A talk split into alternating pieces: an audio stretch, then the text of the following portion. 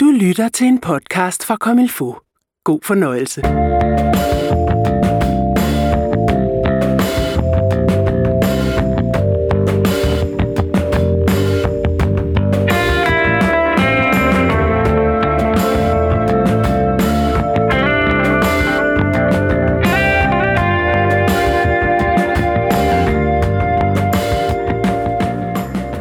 Anledning af nytåret har jeg lavet denne her historie, som jeg synes, du skal høre, inden du tænder lunden til det årlige nytårsknald. Vi skal møde Michael, der i dag er 38 år. Tilbage i 1998, nærmere betegnet den 30. december, sker der noget, som vender op og ned på alt og ændrer hans tilværelse for altid. Det her, det er historien, da lyset forsvandt. Mit navn er Florian Fastina.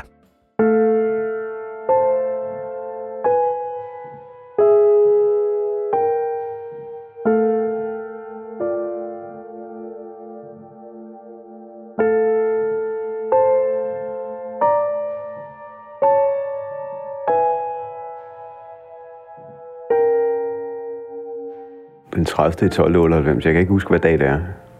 Men jeg kan huske, det var en dag, hvor jeg ikke skulle på arbejde.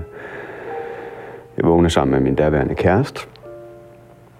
Og dagen er dagen før nytår, så øh, vi er sådan i lavet op humør. De sidste ting skal handles. Øh, der er for hendes vedkommende meget fokus på, hvad tøj hun skal have på. vi er inviteret til fest sammen med en masse venner, og øh, den er sådan lidt aparte, den fest, fordi alle og alle inviterede er enige om, at til den fest er der ikke noget, der hedder fyrværkeri. Når klokken hedder 12, er der ingen, der fyrer af. What so ever. Øhm, så på den måde er den anderledes. Øhm, jeg har en kammerat, som øh, et halvt år før var taget på et øh, 10-12 måneders udlandsophold i Afrika som håndværker ved VVS inden for noget kleinsmed, et eller andet. Og, og var, han var så i Danmark imellem jul og nytår, og øh, den 30. 12. om aftenen havde vi en aftale ud af ham.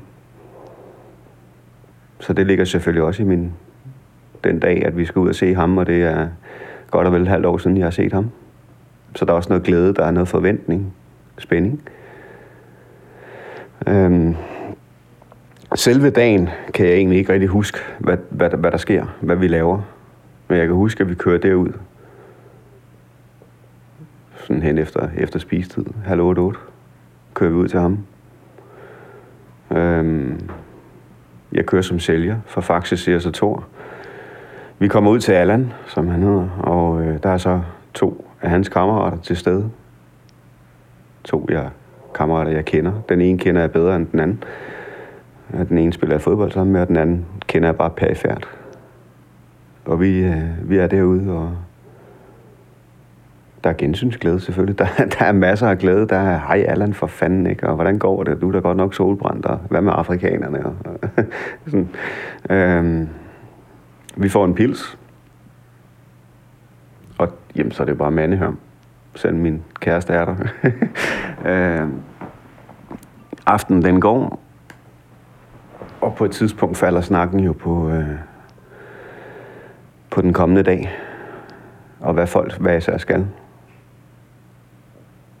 Og uden at jeg på nogen måde skal indikere, at min, min kammerat er, er det ene eller det andet, jamen, så ved jeg, at han har noget i overraskelseshatten, hvad angår fyrværkeri. Så jeg spørger lidt til, og vi snakker om fyrværkeri, og han går så også ud og henter den pose, hvor han har det liggende i, og der ligger en del fyrværkeri, som man med det blotte øje godt kan se ikke er lovligt. Men det er jo provinsen, og øh, det er ikke nødvendigvis noget, man som dreng går særlig meget op i, om det er lovligt eller ikke ulovligt, bare det kan sige bang. Øhm, og det bliver der jo snakket om, og vi tre gutter er sådan rimelig enige om, det vil sige, de to andre og mig, uden tage en alderen, er enige om, at vi skal da, vi skal da se. Altså, han må, han må da give en smagsprøve. Og Allan er sådan lidt tøvende, og han vil jo gerne gemme det hele til dagen efter. Øh, det ender så med, at vi får ham overtalt. Og øh, Simon og Thomas, som de hedder de to andre, og jeg går ud på, på gaden. Øh, Allan og min, min kæreste bliver indenfor for at se det der. Vi kommer ud på gaden, og, øh, og den her krysantimumsbombe, som det så er, øh, skal placeres på en bestemt måde. Den skal pakkes ud og placeres i et, i et, øh, i et bomberør, som det bliver kaldt. Og det, og det her rør skal stå stabilt, og derfor finder vi det midterste punkt på vejen, og, og gør egentlig de ting, vi skal. Øhm, Thomas går hen for at tisse i hækken, og øh, Simon og jeg snakker lidt om, hvem, hvem er der skal tænde den. Og det ender med, at jeg tænder den, fordi jeg har en lighter. Så jeg bukker mig ned og, og tænder. Der sker ingenting. Altså, der kommer ikke gnist på lunden. Og det står vi i et kort øjeblik og snakker lidt om. Hvor efter Simon tager lighteren, bukker sig ned, og jeg rejser mig op og stiller mig bag Simon. Og fuldstændig ud af det blå. Så fyrer raketten af.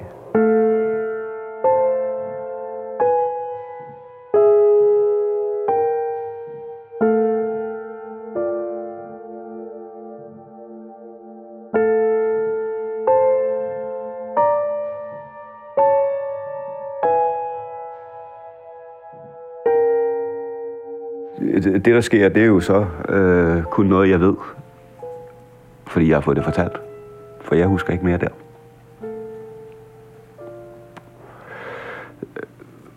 Både øh, brandfolk og politi, såvel som øh, læger og alt videre inde på hospitalet, har fortalt mig efterfølgende, at, øh, at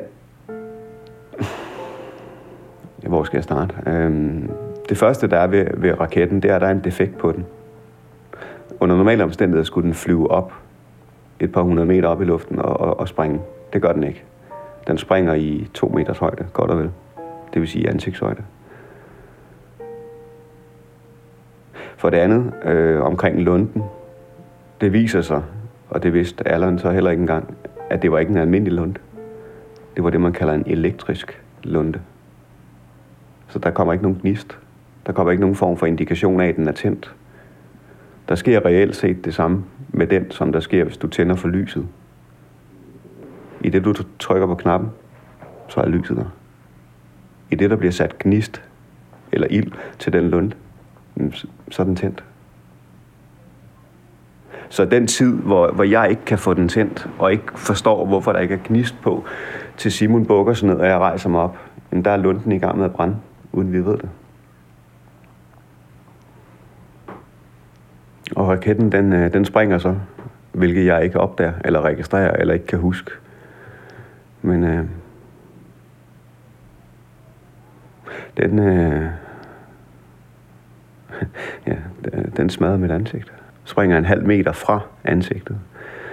Og øh, det, det er jo så, hvad, hvad igen eksperterne har fortalt mig. Øh, der er både i forhold til den forsikringsretssag, jeg var igennem, der var en bombeekspert inde og fortælle omkring, hvordan den fungerede. Og hvad lægerne og politiet og alt muligt har, har kunne finde ud af efterfølgende, jamen det er, at den springer en halv meter frem i et ansigt, og det er lufttrykket fra raketten, der gør, at jeg i skadesomfang får et mindre kraniebrud i panden.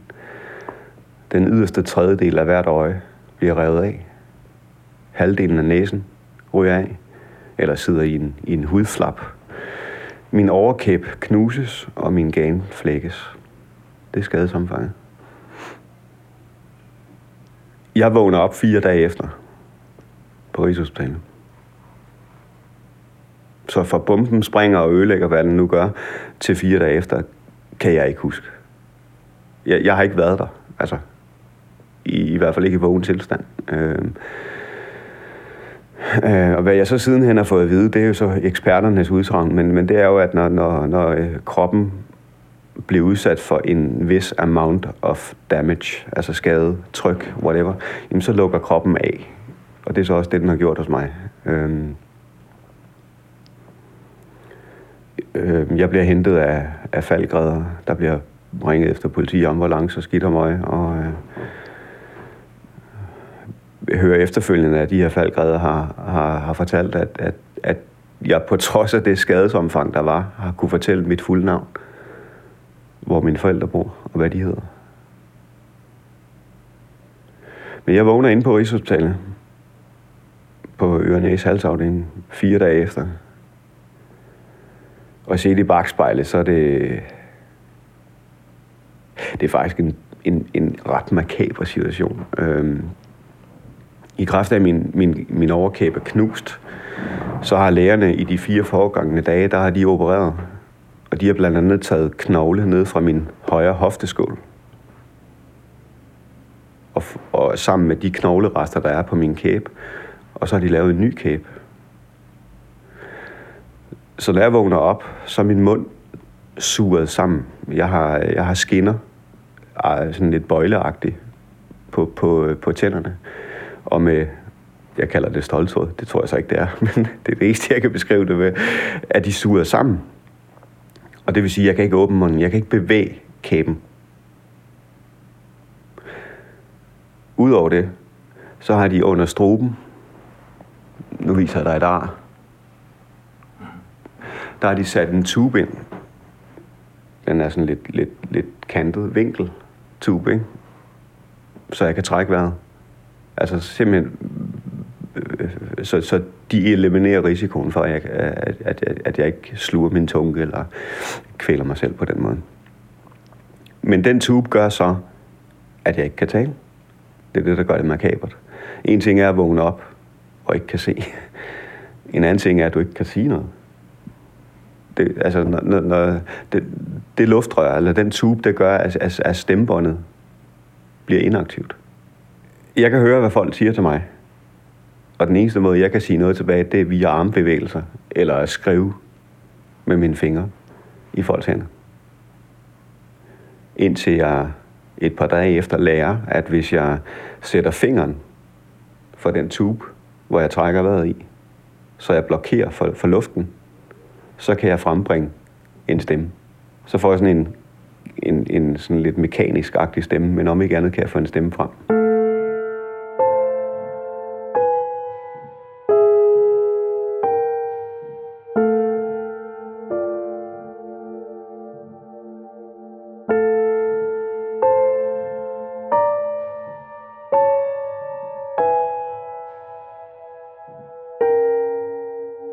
Øhm, jeg blev fyldt med morfin, ketogan, alle mulige smertestillende forhold, den smerte nede.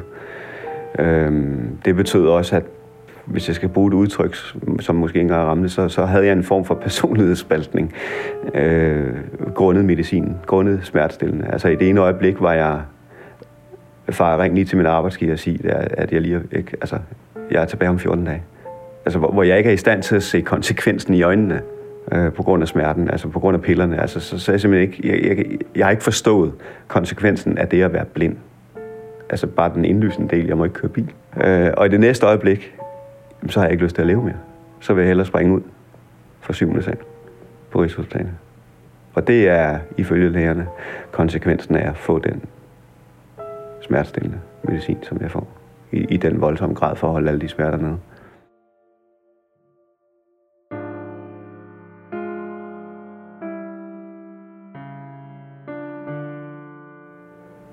Det, det er meget hårdt. Det er meget psykisk hårdt, hvilket jeg så først sådan finder ud af noget tid efter. Men, men det er til øh, eksempelvis min far, der kommer ind og fortæller mig, hvad der er sket. Det er ligesom hans lod. Så, så det er jo ikke kun mig. Altså det, det er jo hele familien, venner, kæreste, arbejdsgiver, kollegaer. Jeg kan vel ikke fjerne ansvaret fra mig selv sådan et langt stykke hen ad vejen. Selvfølgelig ligger der en, en, en stor portion stedighed, viljestyrke og må jeg ikke bruge mit eget citat inden for min LinkedIn-profil, hvor jeg skriver, at jeg er en korkprop. Jeg er som en korkprop. Jeg er ikke født med en guldske i munden. Jeg er ikke øh, hverken opdraget eller født eller uddannet til at skal være noget, jeg ikke er. Øhm, jeg er kommet frem til det, jeg er kommet frem til via at arbejde for tingene, kæmpe for tingene. Øh, og, det er egentlig det, jeg mener med en korkprop, at, at den dag i dag, synes jeg, at, at det, der gør, at jeg kan sidde, hvor jeg er i dag, jamen det er lidt af korkproppen, at uanset hvor mange gange jeg bliver døbet, jeg skal nok komme op igen. Det har jeg så fundet ud af, at øh, udover at jeg har lært en masse om mig selv, og, og, og de evner, eller den styrke, jeg nu engang har, på, på, på det psykologiske plan, på, på, på fighter, på, på overlevertrangen, jamen så har jeg også den sociale arv med mig i form af, af familie, venner. Og dem, øh, uanset hvor meget jeg ellers kan rose mig selv og klappe mig selv på skulderen, så må jeg aldrig nogensinde glemme lige præcis familien og vennerne. Uden dem havde jeg ikke været her. På den måde, som jeg er i dag. Hvor jeg er selvfungerende, tjener mine egne penge, klarer mig selv et langt stykke hen ad vejen. Men det har også kostet.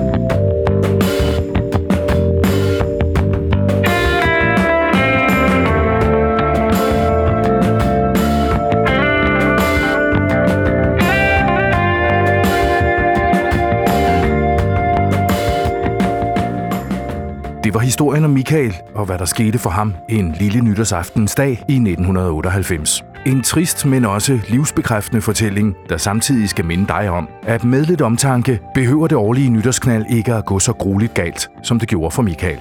Og med det siger jeg tak for denne gang. Jeg vil ikke ønske dig et godt nytår endnu, for jeg er nemlig efter planen tilbage med den årlige udsendelse om, hvad det nye år bringer, set med numerologiens øjne.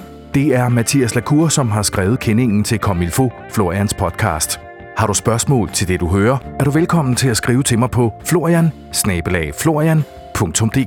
Tak fordi du lyttede. Jeg hedder Florian Fastina.